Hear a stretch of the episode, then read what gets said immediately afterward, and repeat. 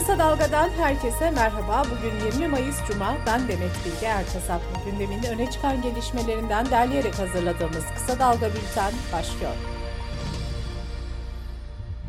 19 Mayıs Atatürk'ü anma Gençlik ve Spor Bayramı dün kutlandı. Kent merkezlerinde gündüz resmi törenler düzenlenirken akşam yapılan fener alaylarına binlerce kişi katıldı.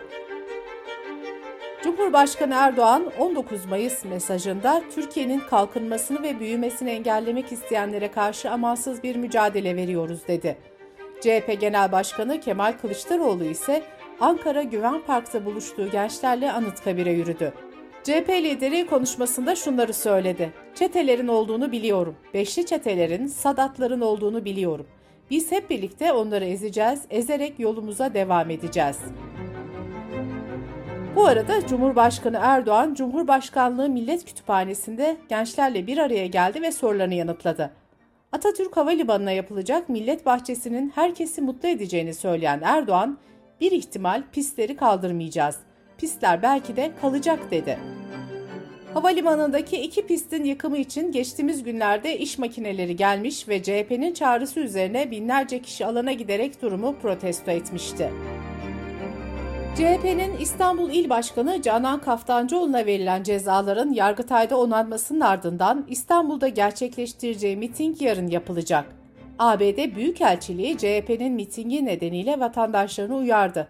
Türkiye'de daha önce yapılan protestolarda tazikli su, göz yaşartıcı gaz ve öldürücü olmayan mermiler kullanıldığını anımsatan Büyükelçilik vatandaşlarına şu uyarıyı yaptı.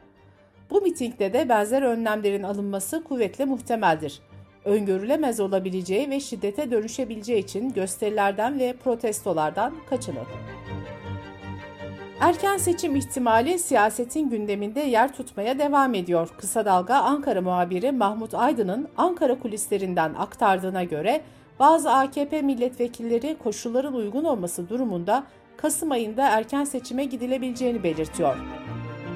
AKP'li vekiller Temmuz ayında büyük bir kabine değişikliği yapılacağını, bu kabinenin de bir seçim kabinesi olacağını konuşuyor.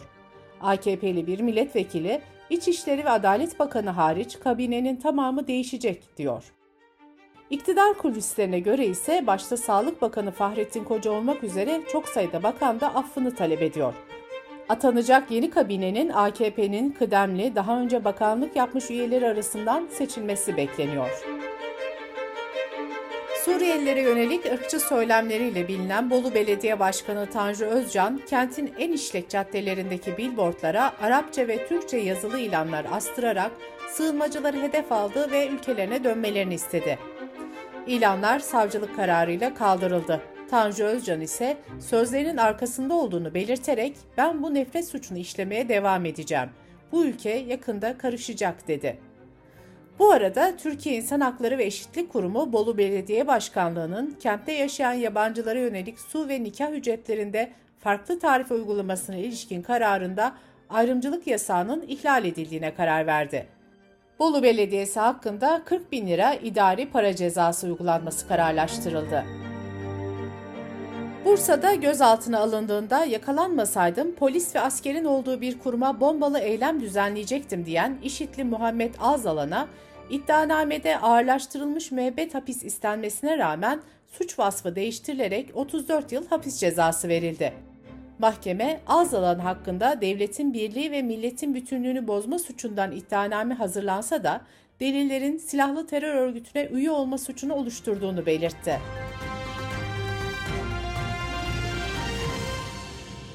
Sırada ekonomi haberleri var. Kamu çalışanları ile memur emeklilerinin yasalaşmasını beklediği 3600 ek gösterge düzenlemesine ilişkin süreç devam ediyor. Memur Sen'in Çalışma ve Sosyal Güvenlik Bakanlığı'na sunduğu talepler netleşti. Konfederasyon ilk olarak ek göstergesi olmayanlara gösterge verilmesini ve mevcut tazminat yansıtma oranları arasındaki adaletsizliğin giderilmesini istedi. Memur Sen, tüm çalışanların gösterge artışından faydalanabilmesi için tazminat yansıtma oranlarında yeni ek gösterge kademeleri belirledi. Konfederasyon mevcut 2200, 3600 ile 3600, 4800 ek göstergeler arasında oluşturulacak bu kademelerle düzenlemenin adil şekilde sonuçlanmasını talep ediyor. İstanbul Büyükşehir Belediyesi Meclisi'nde alınan kararla İspark'ın işlettiği otoparkların ücretlerine %25 zam yapıldı. Enflasyon verilerini düşük gösterdiği gerekçesiyle eleştirilen Türkiye İstatistik Kurumu'nun Fiyat İşleri Daire Başkanı Cem Baş, sağlık sorunlarını gerekçe göstererek istifa etti. Evrensel'in haberine göre Baş aynı dairede uzman olarak görevini sürdürecek. Dairenin başına ise Dijital Dönüşüm ve Projeler Daire Başkanı Furkan Metin atandı.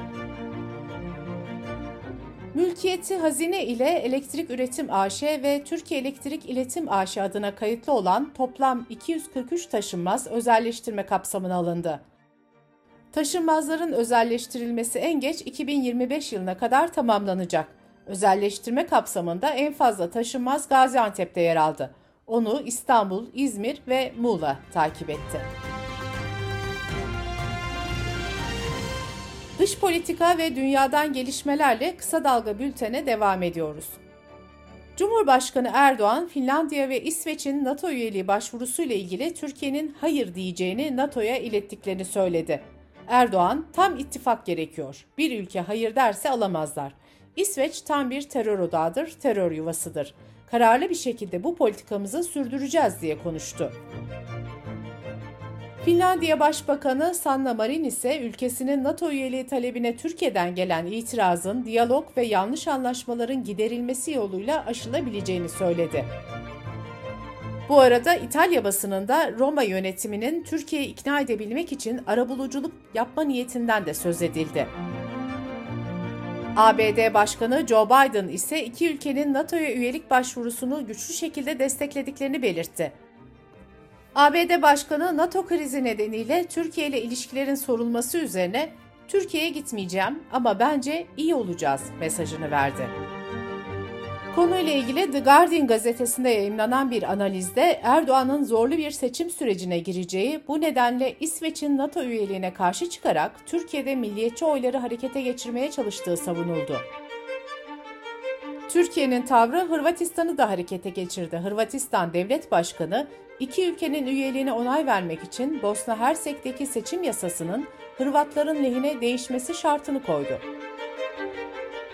İsveç ve Finlandiya'dan komünist partiler ülkelerinin NATO'ya katılma kararına tepkili. NATO'ya üyeliğin ABD ve Rusya arasında çatışmayı büyüteceğini belirten komünistler savaş riskine de dikkat çekti.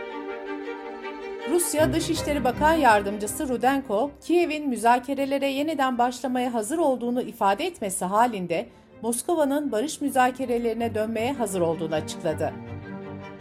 Rusya uzun süren bir kuşatmadan sonra liman kenti Mariupol'daki çelik fabrikasından teslim olarak tahliye edilen 900'den fazla Ukrayna askerinin Donetsk bölgesindeki eski bir cezaevi kompleksine yerleştirildiğini açıkladı.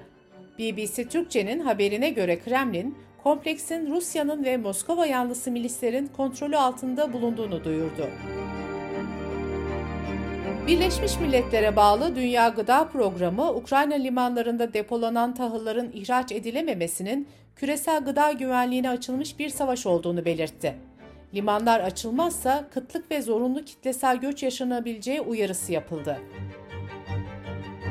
Kinder sürpriz çikolatalarında ortaya çıkan salmonella bakterisi nedeniyle 12 farklı ülkeden en az 324 kişiye bakteri bulaştığı belirlendi. Avrupa Hastalık Önleme ve Kontrol Merkezi'ne göre en fazla enfeksiyonun görüldüğü ülke doğrulanmış 102 vaka ile İngiltere oldu. Fransa'da da 73 kişiye salmonella bakterisi bulaştı. Belçika'da en az 62 kişi bakteriye yakalanırken Almanya ve İrlanda'da da doğrulanmış 15'er vaka tespit edildi.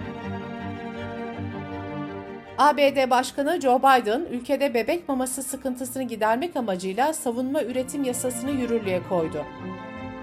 Bu düzenleme tedarikçilerin diğer müşterilerden önce bebek maması fabrikalarına kaynak sağlamaya öncelik vermeleri anlamına geliyor. İngiltere, Portekiz, İspanya ve ABD'nin ardından İtalya'da da maymun çiçeği virüsüne rastlandı.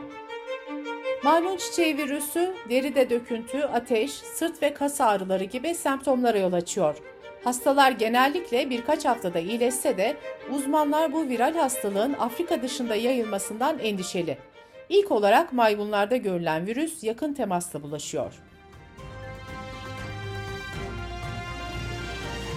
Bültenimizi kısa dalgadan bir öneriyle bitiriyoruz. Gazeteci Ersan Atar, işit davalarında verilen indirimli cezaları, takipsizlik kararlarını dosyalar üzerinden inceledi. Yargı terazisindeki işidi avukat Senem Doğanoğlu ve avukat Erkan Ünüvar ile konuştu. Ersan Atar'ın podcast'ini kısa dalga.net adresimizden ve podcast platformlarından dinleyebilirsiniz. Gözünüz kulağınız bizde olsun. Kısa Dalga Medya.